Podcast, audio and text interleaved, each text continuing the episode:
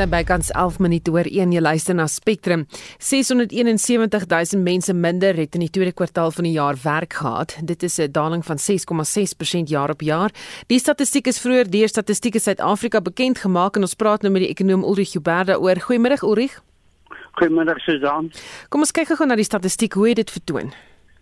Wel as ons gaan kyk na die voltydse werkers dan het ons gesien dat die daling op 'n kwartaal kwartaal basis was so 5,9% 541000 mense wat werk verloor het. Uh as jy kyk jaar op jaar 6,2% en die sektor wat daar uitstaan is die konstruksiebedryf wat 19,2% minder mense in diens gehad het as 'n jaar gelede. So dit was waar die groot slagting was ook in die vervaardigingsbedryf 7,7% minder en dan handel en vervoer wat elkeen so 7,3% minder mense in diens gehad het. As jy gaan kyk na die deeltydse werknemers dan sien jy mense weer eens konstruksie het so 13% daling gehad, 10,5% in die handelssektor vervaardiging het egter 15,8% deeltydse werkers van ontslag geraak. En as jy mens kyk na die persentasies, dan sien jy mens dat uh, ja, dit was al jou deeltydse werkers wat uh, die spit moes afbyt om nie in diens geneem te wees nie. Ehm um, daar as jy mens na kwartaal op kwartaal kyk, het was daar 'n afname van Maart na Junie van 10,4% in jou deeltydse werkers en as jy mens gaan kyk na uh, die jaar jaar syfers dan was dit 10% daling in daai indiensneme. Is jy verras oor die statistiek? Eintlik nie.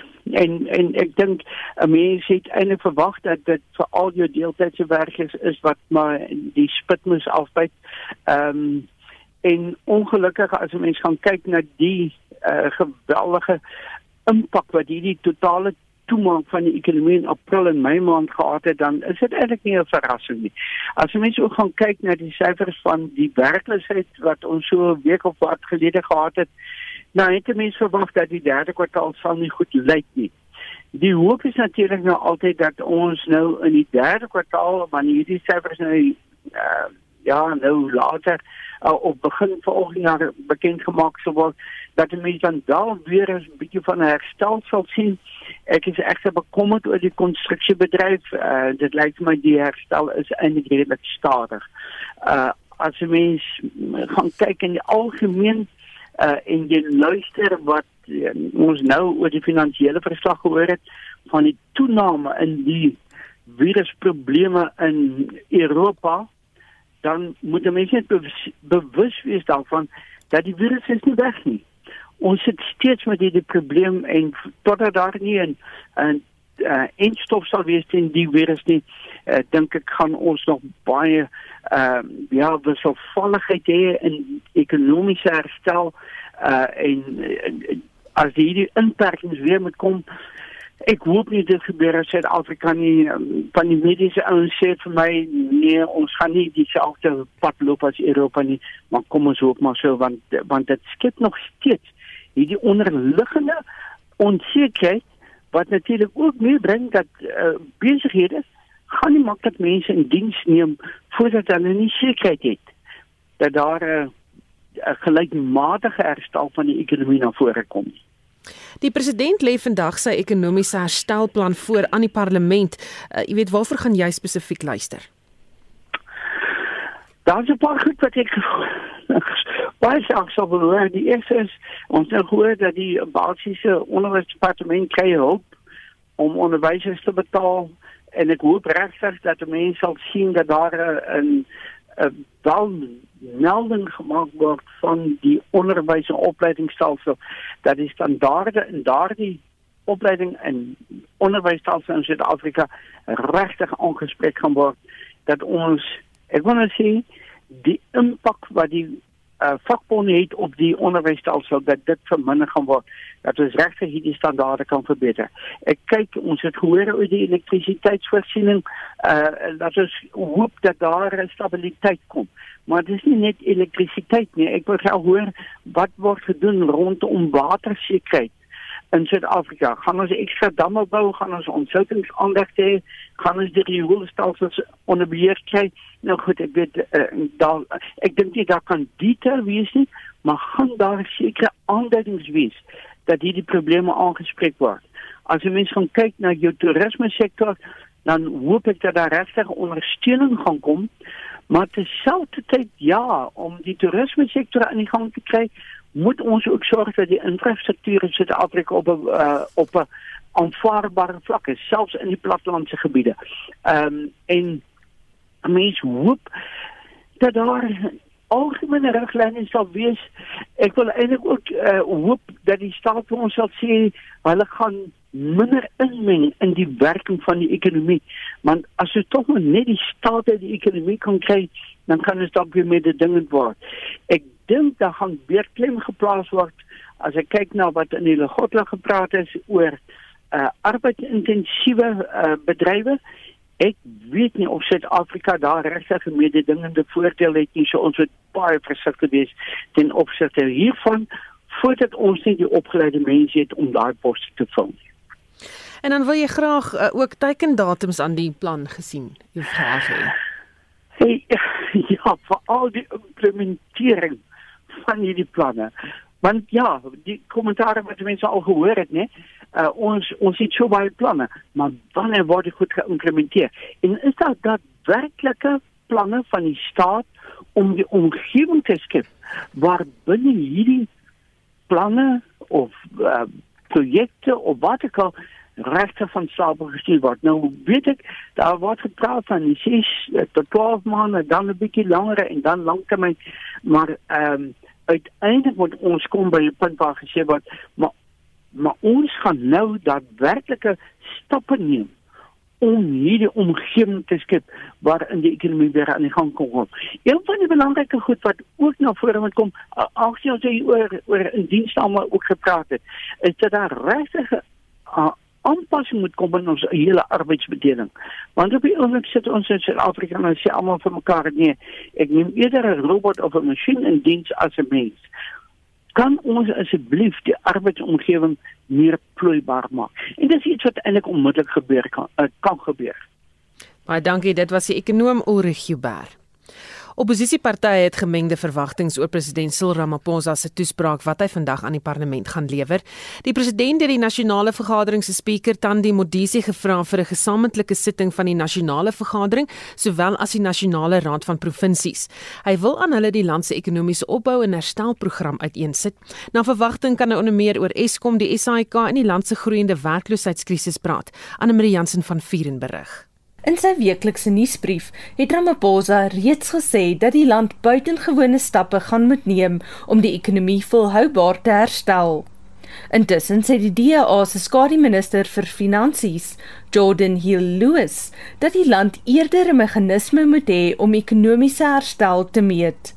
Die DA het so pas so 'n meganisme bekend gestel. The purpose of this tracker is to hold the government accountable to the many promises that they've made over the last two years since President Ramaphosa's election as president to wide ranging economic reform. And yet, very little progress has, has been made on any of those promises. So instead of more plans and more promises, we are going to hold the government to account for the promises that they have already made to reform our economy and our country to get South Africa growing again. Die IFP se woordvoerder vir finansies en openbare ondernemings, Nkosi Mzamu Buthelezi, sê korrupsie behoort die hoof fokus van die president se toespraak te wees. South Africa's problem does not need many plans and strategies, but a will to address the real problem, which is the rot that is in the system. For example, recently, billions of rands were allocated for COVID-19 the president himself promised people of South Africa that monies won't be embezzled. But guess what happened? Monies were stolen. The only plan that we expect from the president is a plan to deal with corruption and that's all. Intussen sê Cope, hulle het 'n hele wenslys van wat hulle sou wou hê die president moet aanroer. Volgens die woordvoerder Dennis Bloem sluit dit Eskom, die SAIK en werkloosheid in. We want him to tell us how he is going to address the corruption crisis in the country. The racial tension that is building up in the country needs urgent attention.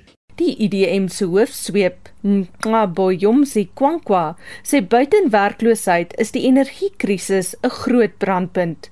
Hy wil ook by die president weet hoe die regering beleggings uit die privaat sektor gaan aanmoedig. The president's recovery plan should also contain ways in which this government is going to ensure that it encourages the private sector to do away with its investment strike so that they can start investing in the economy. Die leier van die VF+, Dr Pieter Groenewald, gee sy mening. Openbare ondernemings moet nou geprivatiseer word. As ons gaan kyk na die rompslom om permitte te kry om besigheid te bedryf, moet dit ook mee weggedoen word. Kom ons kyk maar net na die alternatiewe bronne. Hoe lank wag ons nou al vir breëbrand spektrum in Suid-Afrika? Verder sê ons dat swart ekonomiese bemagtiging moet afgeskaf word, want ons weet aanhou ons almal, dit is net 'n rookskerm om te besluit wie is die kaders wat in die byt gaan deel. Praktiese stappe wat ons wil hoor vanmiddag om die ekonomie te red, nie net nog planne nie. Die verslag van ons parlementêre verslaggewer, Mercedes Besent, en ek is Anne Marie Jansen van Vuren vir SAK nuus. Die kollektiewe landbougemeenskapsforum asof sê die huidige geskille in die platteland is nie 'n raskwessie nie, maar eerder 'n stryd tussen misdadigers en wetgehoorsame burgers. Asof verteenwoordig organisasies soos AgriSA, TLESA, Afasa en Agbus. Die president van Asof, Japie Grobler sê misdaad is besig om skerp te styg in dit raak boere sowel as plaaswerkers en ons praat met hom. Goeiemôre Japie. Môre Susan. Verskeie politieke rolspelers en ander landsburgers glo die misdaad, plaasmoorde en vee diefstal is 'n raskwessie waar swart en wit te mekaar oorlog voer. Julle stem nie hiermee saam nie. Verduidelik vir ons hoekom nie. Susan, natuurlik het uh, wat die president in sy uitspraak laas maandag aan die spreek gesê dat uh, selfs die geval daar in Senekal was weer swart op wit geweest. Maar ons sê dit is nie net swart op wit of wit op swart nie. Ons sê dit is in Suid-Afrika is dit ons 'n ernstige situasie van misdaad. Misdaad in sy al sy forme, spesifiek plaasmoorde wat ons sittende omvang het, dit word wêreldwyd erken. En wonderlik dat die president ten minste nou 'n slag, die eerste president, die vorige twee presidente het geweier.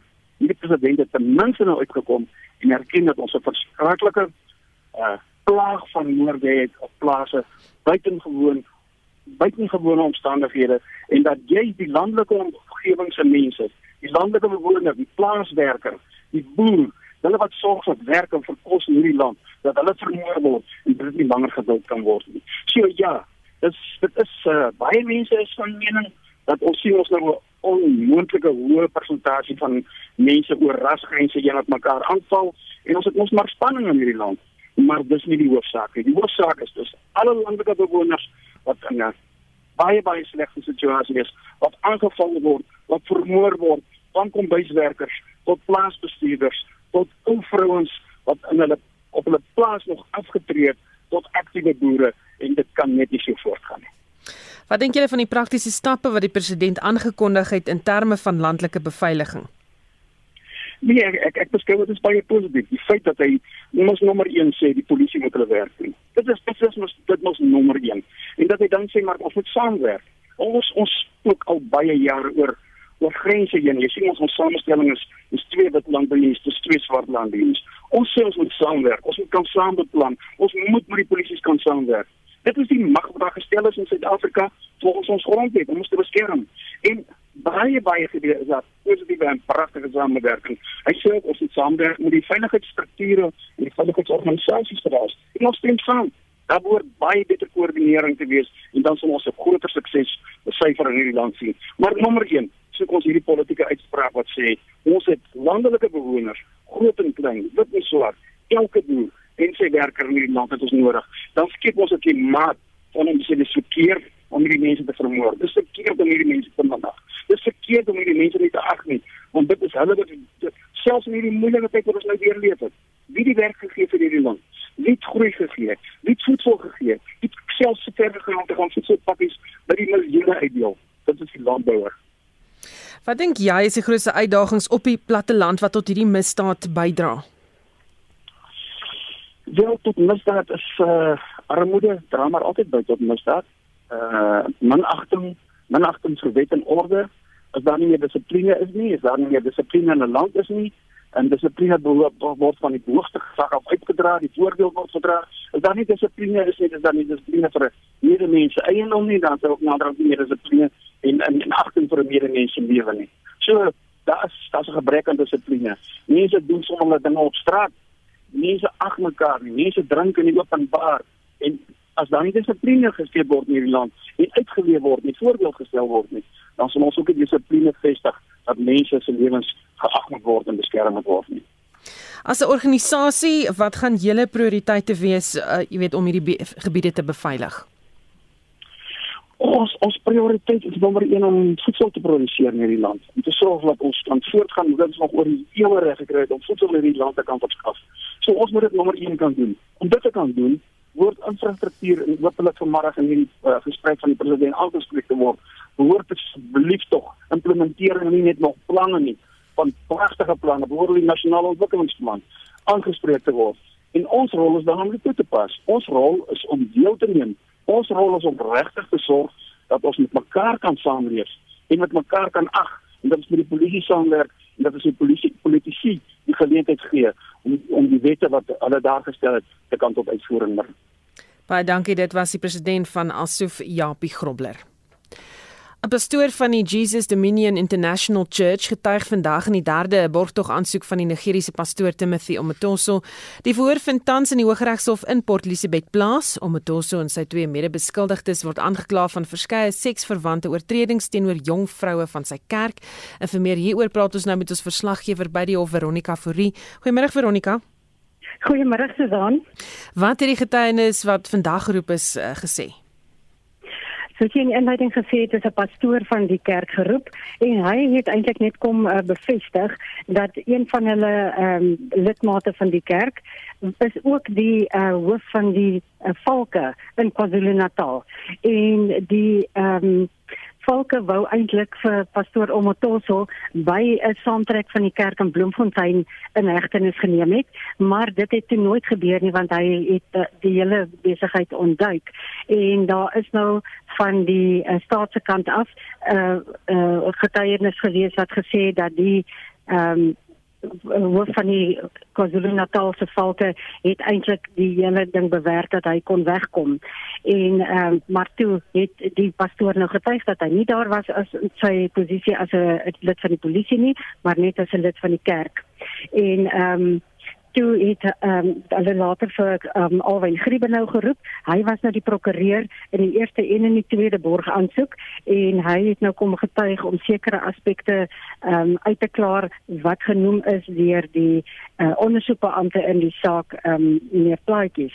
Nou Alwyn Griebenhou het onder andere gesê dat hy gesprekke gehad het met ehm um, om 'n tosse se prokureur in KwaZulu-Natal die sou hom vergesel het Port Elizabeth toe vir 'n on, uh, vir 'n onderhoud met die valke hier in Port Elizabeth.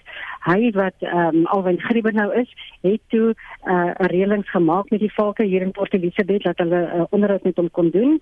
En toe hy nou later die tyd wil vasknoop, het die ehm um, hoof van die valke hier vir hom gesê dat hulle wel intussen eh, 'n uh, klag gekry het van ehm um, ehm um, human trafficking en ehm um, dat hulle nog steeds hom nie gaan arresteer nie. Dit is nog steeds net 'n onderhoud. Maar toe het ehm um, die eh uh, Alwen Grieber nou toe lughawe toe gegaan om hom daar te ontmoet. En toe hy weer sien toe is die valke daar op die toneel en hulle ek wou nie vir hom sê hoekom hulle daar is nie. En uiteindelik toe om dit tot so en sy prokureur nou land het hulle die hele ehm um, lokaal uh, bestorm waar die passasiers nou inkom. En hulle het uh, vir om dit tot so agtervolg tot waar hy in die, in die toilette was. Hulle het hom daar gearresteer en met hom uitgehardloop uit die lughawe gebou uit tot by 'n polisievoertuig. Griebe nou sê hy het hulle probeer agterna sit. Hy het gevra wat waar vat julle hom heen en hulle het hom net die hele tyd geïgnoreer. En ehm um, hy sê dit was heeltemal deur mekaar spel. Hy het klomp polisiestasies gebel om te vra waar hy is. Niemand kon hom sê nie. Uiteindelik moes hy wat Alwyn Griebe nou nou die prokureur was toe ehm um, die Hooggeregshof nader vir 'n bevel dat hulle uh, en hy het gesê hy wil ook die uh, lasbrief sien dat hulle hom kon in hegtenis neem en uiteindelik het die Hooggeregshof toe nou bevel gegee dat hulle uh, regspan vir om dit ons toe nou kon sien by die um, Mount Road polisiestasie. Nou dit is baie interessant wat hy alles genoem het omdat eh uh, baie van dit feite weer lê wat getuig deur die ondersoekbeampte meer plaatjies wat hier in die hof was. Een van die aspekte wat nou wat ons nou net verdaag het voor die etensuur is dat ehm um, meneer Plaatjes het gesê een van die redes hoekom hulle eintlik opgetree het om hom te gaan arresteer by die lughawe was omdat hulle gehoor het hy het 'n vlug terug Durban toe reeds bespreek gehad. Toe sê Alwyn Griebe nou ja, dit is reg, maar hy het 'n uh, vlug terug bespreek gehad vir 8 uur die aand, nie vir 5 uur soos wat ehm um, die die polisie nou aanvoer nie. Uh, want hy sou mos net gekom het vir 'n onderhoud. En um, hy oor die paspoorte het hy gesê dat hy het eh, drie uh, dit hy sê dit is drie of vier paspoorte wat hy van Omotoso in sy besit het en hy het kopieë daarvan gemaak, gesertifiseer en die kopieë dan nou vir die uh, ondersoekspan gegee. Hulle wou toe nie die um, kopieë met die oorspronklikes kom vergelyk nie, so hy het nou maar nog die paspoorte, maar omdat iemand aan hom genoem het dat hy dat omdat ons dalk nie kan borg kry nie omdat hy 'n onwettige immigrant in die land is, het hy wat geriewe nou self die paspoorte na die departement van binnelandse sake geneem. Hulle het dit geskandeer en dit na Pretoria toe gestuur en 'n uh, hoë amptenaar daar het die prokureur nou ingelig dat hy wel 'n wettige persoon in die land is wat natuurlik heeltemal in teenstelling is met wat die persoon van uh die departement van binnelandse sake hier in Port Elizabeth kom getuig het as ook die ondersoekbeampte. So ons gaan nou hoor na die etenstyd wat nou verder gaan gebeur. Baie dankie dit was ons verslaggewer in Port Elizabeth Veronica Fourie. Jy luister na Spectrum elke weekmiddag tussen 1 en 2. In die programme pastoor van die Jesus Dominion International Church getuig in die borgtog aansoek van Timothy Omotonso, digstappe is teruggetrek teen 'n Wes-Kaapse onderwyser wat daarvan beskuldig is dat hy sy ras doelbewus verkeerd aangedui het. And we will not tolerate victimization of people who do not conform to an artificial and arbitrary classification of who they are deemed to be.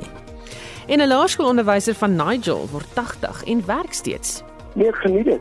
Want ek leer die ding, beleef die skool ten volle. Met ander woorde, ek skakel in by alle aspekte van die skool. By die mense aktiwiteite, en formele onderrig en wat daar van my verwag word.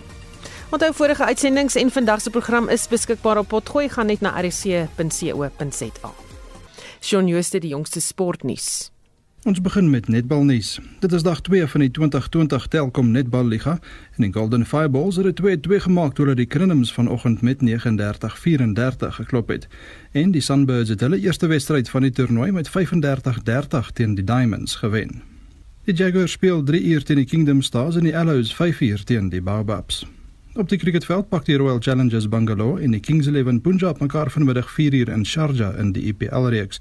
En op die tennisbaan stap Suid-Afrika se Ryan Klassen en sy spanmaat Oliver Marag van Oostenryk later in die kwartfinale van die binnenshuise toernooi in Duitsland in die dubbelspel teen Fernando Verdasco en Alejandro Davidovich Fokina van Spanje op die baan uit. Fietsry. Vandag se 12de skof van die Giro d'Italia is 204 km lank. Joao Almeida van Portugal dra die voorloper se pink trui en Suid-Afrika se Louis Mentjes is 50ste. En laastens in Mirbalnuus. Die Suid-Afrikaanse nasionale kampioenskappe slaan vandag by die Brooklyn Inkopiesentrum in Pretoria af. Agt van ons beste mans en vroue spelers gaan meeding om met die Suid-Afrikaanse titels weg te stap. JP Brits en Christo Potgieter is die top 2 in die mansafdeling terwyl die wêreldnommer 35 Alexandra Fuller en Lazelle Miller die top 2 gekeerde vroue spelers is. Die alfynstryde vind môre plaas en die kampioene word Saterdag gekroon. Shaun Jooste van RSG Sport. Sy 1336 Agri SA vra in aanloop tot môre se betoging in Senekal dat veral die landbougemeenskap nie die doel voor oë verloor wanneer hulle saamtrek buite die landdroshof nie. Die twee verdagtes in die moord op 'n jong boer, Brendan Honder, verskyn môre in die hof. Die landbouorganisasie waarsku dat enige vorm van geweld die doel van die byeenkoms, dit is om die dag op eh, of aandag op plaasaanvalle te vestig, ondermyn. Hulle nou verseet meer. Agres ASA uitvoerende direkteur Christo van der Rede sê alle deelnemers moet môre se verrigtinge met respek en waardigheid benader. Dit is nie nodig vir mense om gewelddadig te raak nie. Kom ons gee vir Vrystaat Landbou en ook die Senekal Landbou Vereniging die geleentheid om die situasie te bestuur, maar meer nog, ons gee die regsproses die geleentheid om sy volle gang te gaan. en ook vir die families van slagoffers van misdaad om natuurlik hierdie verrigtinge by te woon. Hy sê tog dat mens nie kan toelaat dat die land in 'n sogenaamde misdaadnes verval nie. Ons kan nie toelaat dat mense links en regs uitvermoor word nie. Maar daarmee saam moet ons druk plaas op die politici, ons moet druk plaas op die regstelsel en op die polisie om ons mense teen alle tye skerm. Want dit is 'n grondwetlike verpligting wat op hulle is. Maar die belangrike ding is, ons moet teen alle koste vermy dat ons nie in die slaggat van wetteloosheid vasval nie. Verder waarskyn dat oproerigheid ten spyte van boere se belangrike en goeie werk landbouers se beeld beskadig. Volgens hom word daar nou boonop vordering gemaak. Ons het die president sover gekry om nou die landboubeveiligingsplan te prioritiseer. Dan het ons ook druk toegepas op die minister van polisie. Uit daai agtergrond het hy dan dit nodig gehad om die familie vroeër die week te besoek en ook om met die plaaslike landbouunie en hulle lede in gesprek te tree. Die polisiekommissaris het nou ook sy onderneming gegee om beheer sentrums in plek te sit om die reserviste stelsel aan die gang te kry en dan het ons ook deur middel van AgriSecuritas ook addisionele befondsing gekry sodat ons die landbouunies kan bemagtig om hulle eie veiligheidsstrukture en tegnologie in plek te sit om gemeenskappe verder te beskerm. Dit was Agres as uitvoerende direkteur Christo van der Rede. Die FF leier Julius Malema sê sy party se lede gaan ook môre by ter die hof wees waar die moordverdagtes gaan verskyn om in sy woorde die polisie se toerusting en die hofinfrastruktuur te beskerm. We will not shoot anyone. We will not provoke anyone. We will not start anyone. Just don't push us. Just don't push our van. Just don't touch our court. Die Instituut vir Rasseverhoudinge gaan ook in Senekal wees.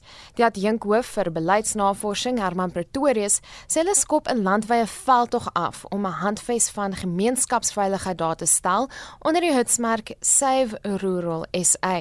Ook hulle doen 'n beroep op vrede as land het ons nie nou meer geweld nodig of blame verskuiwery nodig of ekstremisme nodig of verdere verdeeldheid tussen ons gemeenskappe nie. Ons het eerlikheid nodig oor wat die oorsaak van ons landelike gebiede se sekuriteits- en veiligheidsprobleme is en dit is dekades van 'n regering wat nie sinvolle beskerming van ons landelike gemeenskappe kan daarstel nie. Juist daarom wil die IRR as 'n konstruktiewe bydrae tot hierdie debat kom met oplossings.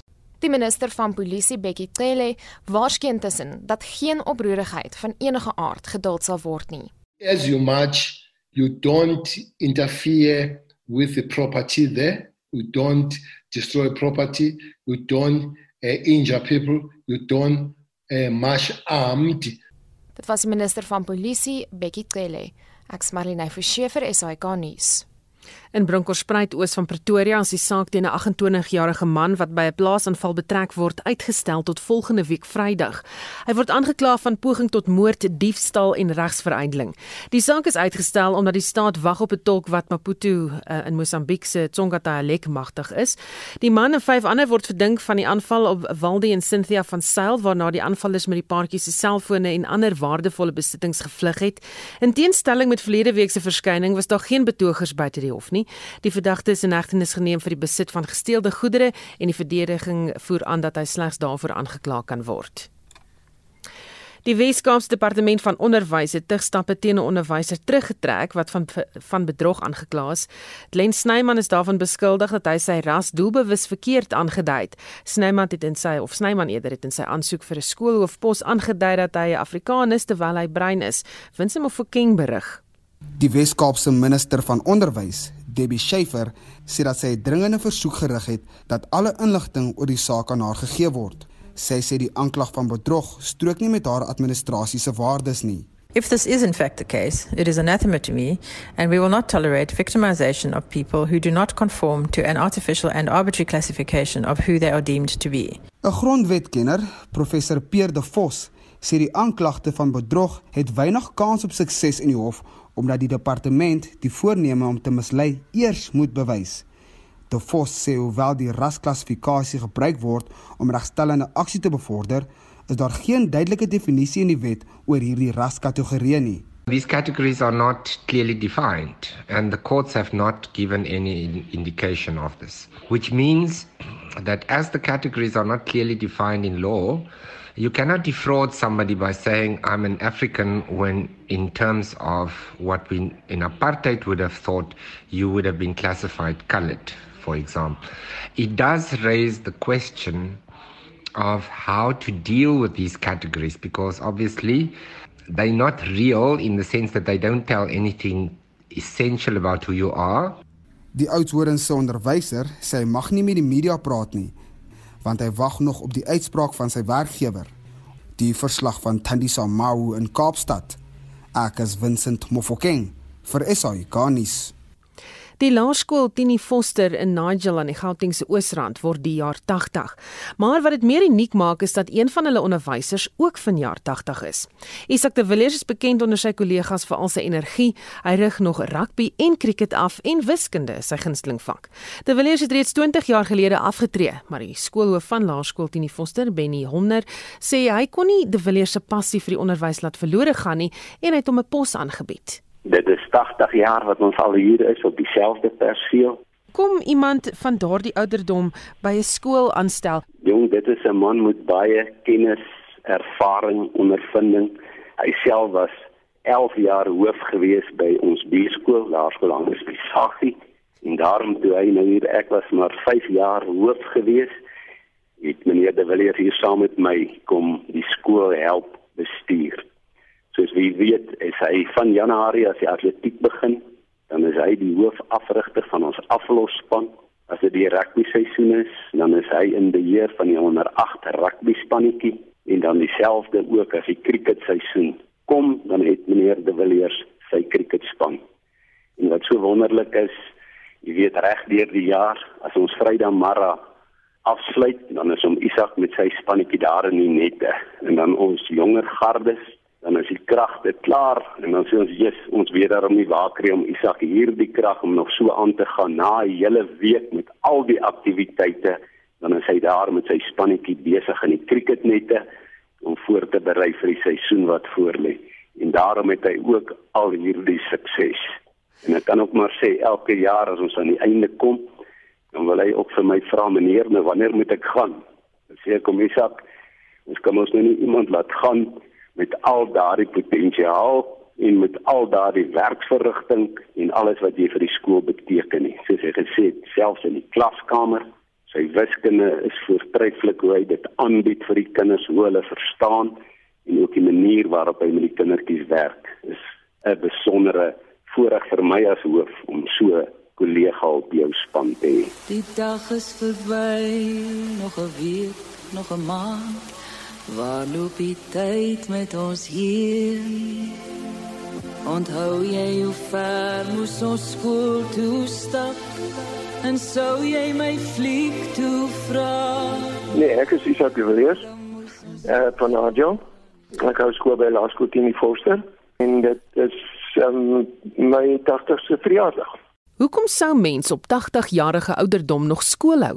De Villiers sê die antwoord is eenvoudig. Nee, geniet dit want ek beleef die skole ten volle. Met ander woorde, ek skakel in by alle aspekte van die skool, by die meeste aktiwiteite en formele onderrig en wat daar van my verwag word. Dit is en ek geniet dit want ek nou ja, na wat wat 56 jaar se um, onderwyservaring Ja, so ek sou deel van skool dat ek uh, eintlik nie kan loskom nie. Daar in 1962 het ek 'n pos gekry by 'n skool met naam van Wilde Hondepan Is uh, daar naby Delareyval.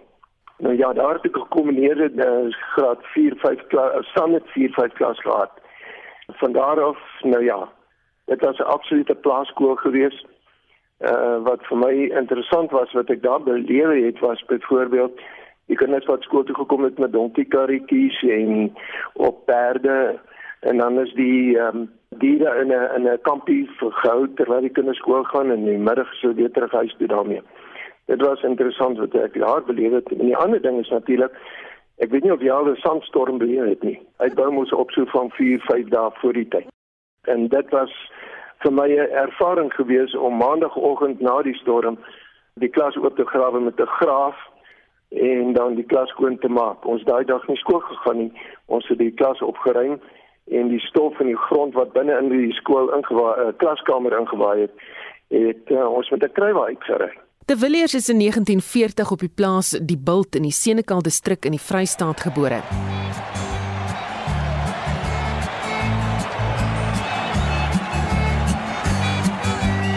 En saam met sy passie vir die onderwys het hy ook 'n passie vir sport en rig hy nog verskeie spanne op dagdag af. ja, ek het reg geraak by af vir cricket af.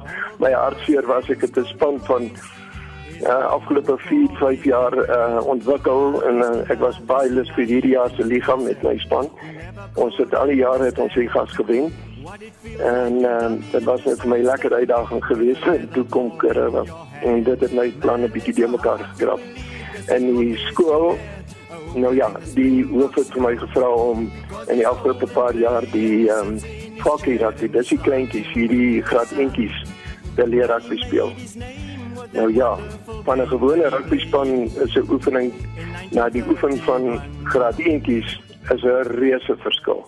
Jare gelede was ek in die sielkundige diens gewees en eendag by 'n skool pouse of direk na pouse het ek nie werk gehad nie toe gaan sit ek in die saal en daar's onderwyseres besig om 'n konsert af te rig.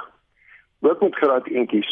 En die onderwyseres die was uh, nadeland radeloos want die kinders staan nie op 'n plek nie, hulle beweeg rond en dis meer en ek kan sien sy vererg haar, maar nou jou ek my maar 'n bietjie een kan daar in die hoek van die saal. En sy vat hierdie klein seentjie aan sy twee armpies en lig hom op en sit hom op sy plek en sê vir hom dis jou plek en dis waar jy staan ek skud my kop en ek sê ag nee jene juffrou dis nie die manier om 'n mens met kinders werk nie. Toe kry ek die graad eens vir rugby afrigter. En wat gebeur? Presies dieselfde. En toe wonder ek wat het daardie onderwyser is gedoen? En ehm um, Want die ding is, en nou sit ek vir Pietie hier op 'n plek en ek sê vir hom luister Pietie, nou staan jy hier, Jannie, jy staan daar en Kosie, jy staan daar. En as ek klaar met Kosie is en ek vra waar is Pietie, dan moet ek hom uit die boom uithaal. en en die volgende een sit op die uh, skool se dak. En nou en as ek by die derde een kom, dan is hy besig om sokker te speel met die meisies aan die ander kant. Uh, dis hoe mens begin met uh, eh, vakkie rugby afrigting. Maar dan op die ou en kry dit daarom reg dat hulle verdediging speel en as hulle verdediging speel dan ehm um, net hulle die bal van maatjies gee. Nou ja, kind in graad 1 is baie selfsugtig en wil die bal net vir homself hou en dit vir hom 'n groot deurbraak. As hy dit kan regkry om die bal vir sy maatjie te gee. Uh, nou daardie ontluiking vir my is ach, dit motiveer mense. Dit maak onderwys heerlik.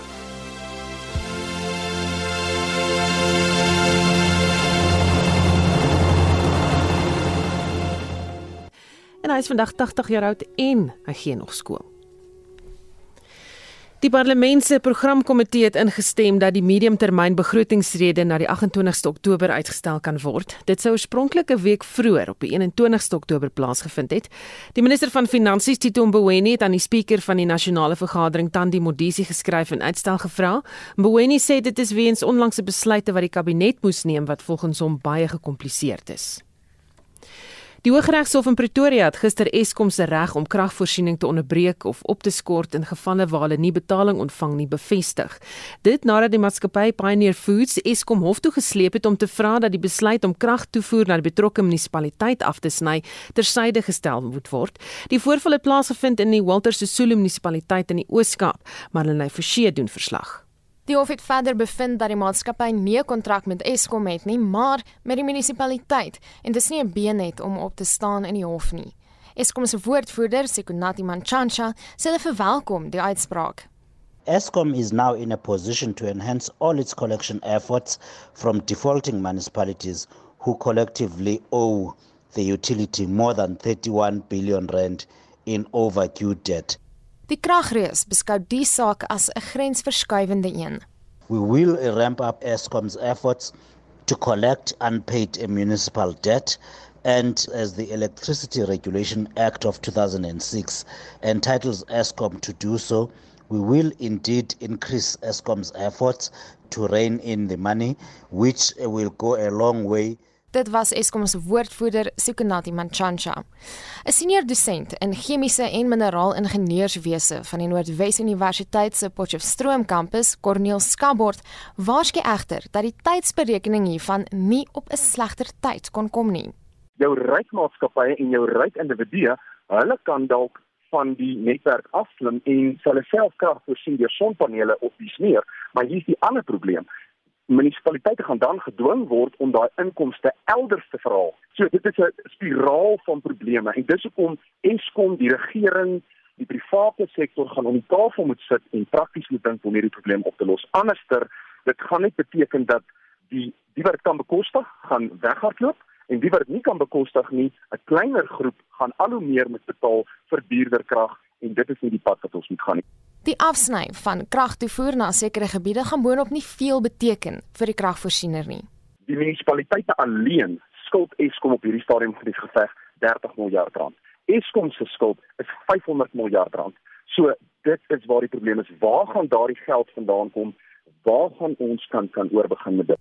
Die hoop volgens Skabord lê by die toelaat van privaat kragvoorsieners. Daar is wetgewing wat tans ter tafel gelê word vir goedkeuring ten einde die privaat mededinging meer toe te laat en ek dink dis wel iets wat moet gebeur om die privaat sektor meer te, te betrek. Die monopolie wat Eskom het, dit is nie goed vir ons land nie. Ek sê dit baie eerlik, maar dit is kompleks. Die vermindering van Eskom se monopolie kan volgens hom lei tot werkskepping, ekonomiese groei en meer buitelandse investering. Ons gaan moet buite die boks dink en ek dink die dae van Eskom wat 'n monopolie is, ons kan nie langer daarmee aangaan nie. Dit is nie goed vir jou en vir my nie. Dit was 'n senior dosent in chemiese en mineraalingenieurswese aan die Noordwes Universiteit se Potchefstroom kampus, Corneel Skabord. Ek smarline vir Scheffer SAK nuus. 'n Nuwe windplaas by Ceres in die Witzenberg munisipaliteit in die Wes-Kaap wat onlangs elektrisiteit vir kommersiële doeleindes begin opwek het, dra nou 110 megawatt by tot die nasionale energienetwerk. Die projek sal die plaaslike ekonomie hooplik ook 'n hupstoot gee. Kobben August doen verslag. Die bou van die infrastruktuur vir hernubare energie op die Perdekraal Oos windplaas het ongeveer 3 miljard rand gekos. Dit het in 2018 begin en is onlangs voltooi. Die windplaas het 'n koopooreenkoms van 20 jaar met Eskom gesluit. Die boerdery se projekbestuurder, Glenn Hobbs, Perdekraal East Wind Farm started generating enough clean electricity to power over 111,000 average South African homes. Just as importantly, wind power emits zero carbon emissions and reduces the use of fossil fuels. Also notable is that the region benefits from almost zero water consumption during the power generation process, which I believe is of significant benefit in a water stressed country like South Africa. Sedert die windplaas kommersieel met elektrisiteit begin handel dryf het, het die Wes-Kaapse Departement van Finansies 'n beroep op die minister van Minerale Bronne en Energie, Gwede Mantashe, gedoen om die verkrygings- en koopooreenkomste vir hernubare energie te prioritiseer. Die provinsiale minister van Finansies, David Meyer, the Paradocral East Wind Farm, which is a great example of how private sector investment in renewable energy infrastructure can not only help to mitigate the effects of load shedding, but also uh, create jobs and grow the economy in the Western Cape. And so I call on the Minister of Mineral Resources and Energy, Gwede Montashe, to maintain the urgency required to ensure that procurement and power purchase agreements are finalized to bring new uh, renewable energy generation capacity onto the grid in South Africa. 'n Grootskaalse verskywing na hernubare energieproduksie kan werk skep en baie van die maatskaplike probleme in Suid-Afrika help verlig. Dit sal ook die land se afhanklikheid van fossiel brandstowwe wat tans gebruik word vir die opwekking van elektrisiteit verminder en die vrystelling van kweekhuisgasse verminder. Ek is Kobben August in Kaapstad. Onthou Spectrum Monitor naweek aktueel kommentaar en finansiële fokus is beskikbaar op Potgooi gaan net na die RSC webblad www.rsc.co.za. Ons groetnaam is ons waarnemende uitvoerende regisseur Hendrik Martin, die redakteur Jan Estreisen en produksieregisseur Frikkie Wallis. Ons medewerkers was eh, Marlene Forsie en Anne Marie Janse van Vieren. Ek is Susan Paxton. Geniet jou middag in die geselskap van RSG.